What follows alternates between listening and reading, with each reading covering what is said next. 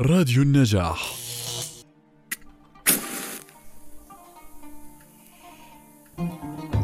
مرحبا عزيزي المستمع. أنا طيب العمد تسمعني عبر بودكاست مشكاة من راديو النجاح. أحمل مشكاتي وأجول بالحياة لننير سويا فكرة ونص. تمت هذه الحلقة بعد أن قرأت وشاهدت وسمعت فكتبت. عنوان الحلقة كيان.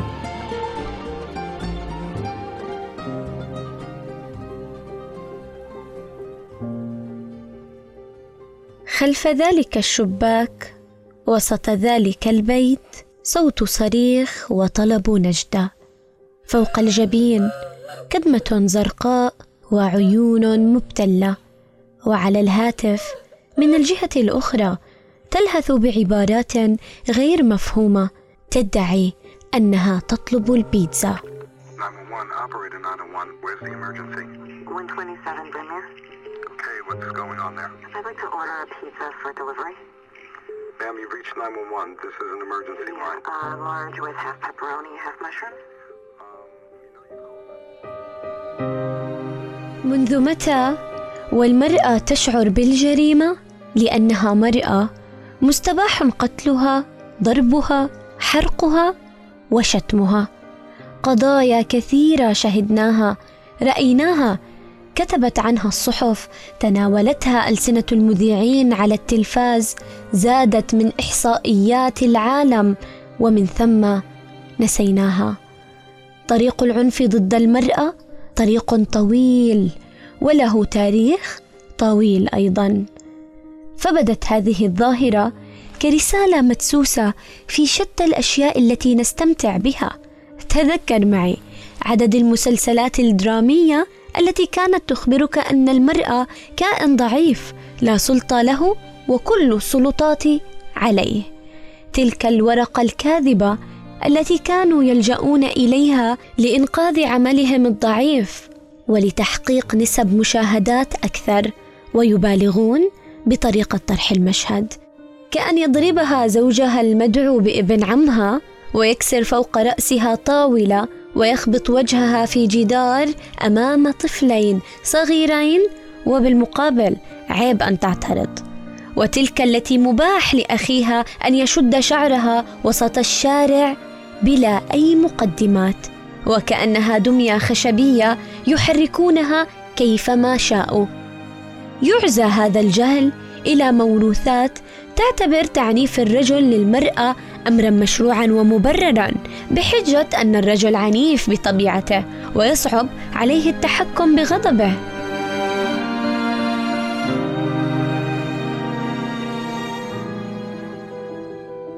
في الألفين وتسعة عشر فقدنا إسراء غريب نتيجة للجهل والافتراء. فقدناها وحيدة وسط مستشفى كبير لا صدى إلا لصرختها. قضية إسراء غريبة التي شغلت الرأي العام خلال الأيام الماضية تصدرت اليوم الحديثة على وسائل التواصل الاجتماعي في أغلب دول العربية في أغلب الدول العربية. واستقبلنا العشرين عشرين بفقدان أحلام جثة هامدة يحتسى فوقها الشاي بلا رحمة من الملجأ الأول والأخير كما هو مفترض. جريمة قاسية ومروعة ملت أخبارها منصات التواصل أردنيا الأيام الماضية وأصبحت تعرف بقضية صرخات أحلام. ليست القضيتان الوحيدتان. هناك غيرهن وغيرهن وغيرهن. ماذا عن تلك التي تعنف وتعنف دون مساحة لأن يسمع صوتها تلك التي لا تحرسها إلا رحمة الله. فتيات ونساء يشعرون وسط بيوتهم الدافئة بالخوف. يخفن حضن الأب الأشبه بزنزانة قد يحكم على سكنها بالإقامة الجبرية المصحوبة بالعذاب. يخفن الحياة ويخجلن من العالم بسبب آثار الصفعات على وجوههن الصغيرة. توصلت إحصائيات منظمة الصحة العالمية وكلية الطب وطب المناطق المدارية في لندن ومجلس البحوث الطبية في جنوب إفريقيا أن أكثر من 35% من نساء العالم تعرضن للعنف الجسدي أو الجنسي على يد أحد الأقرباء. تعرضت 30% من نساء العالم للعنف الجسدي على يد شريك الحياة. 38% من جرائم قتل النساء في العالم كانت على يد الرجال الذين كانت تربطهم بهن علاقة. والنسب تزيد في كل عام والمجرم حر طليق لا عقوبة تدينه.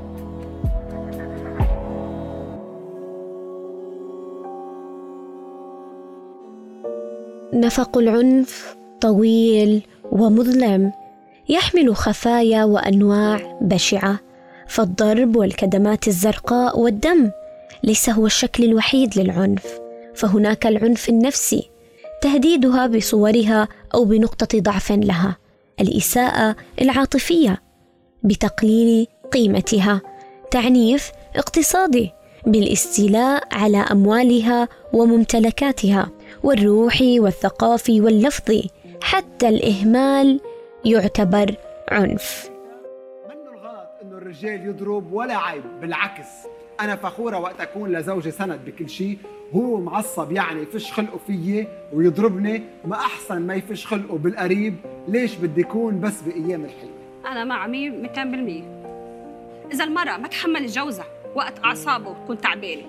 إذا ما تحملت جوزها بوقت اقتصادي كتير صعب. الزلمة أمراه عم بفوت على البيت معوش حق. علبة دخان لبيته أو ربطة خبز. معلها شيء بدها تتحمل المرأة.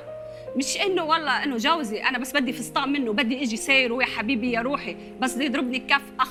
وروح اشتكي عليه أو روح آه، بيعمل مشاكل من وراء الكف. لا بدنا نتحمل. تحملي شو؟ بتحمل القتل. تتحملي إيه بتحملوا أنا عم شوف ال- المشاكل عم تصير من ورا هالشغلات هاي إنه إذا جوزي ضربني كف أركض يا على مغفر يا أركض لعند أهلي يا أركض لعند الجيران يا أركض حلي مشكلتك ببيتك.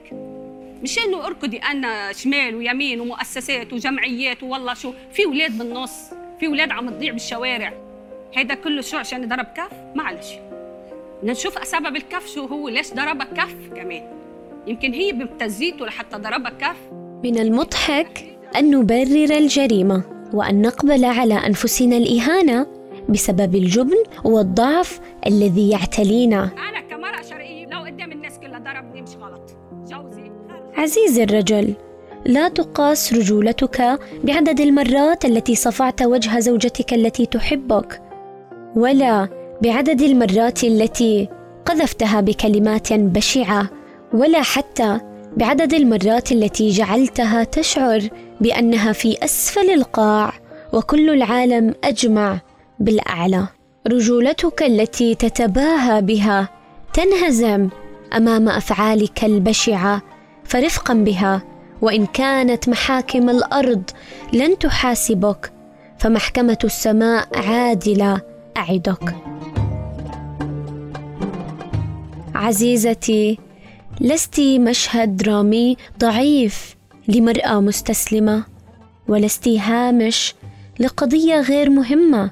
وانت لست ساذجة كما يقولون ومنهزمة كما يدعون.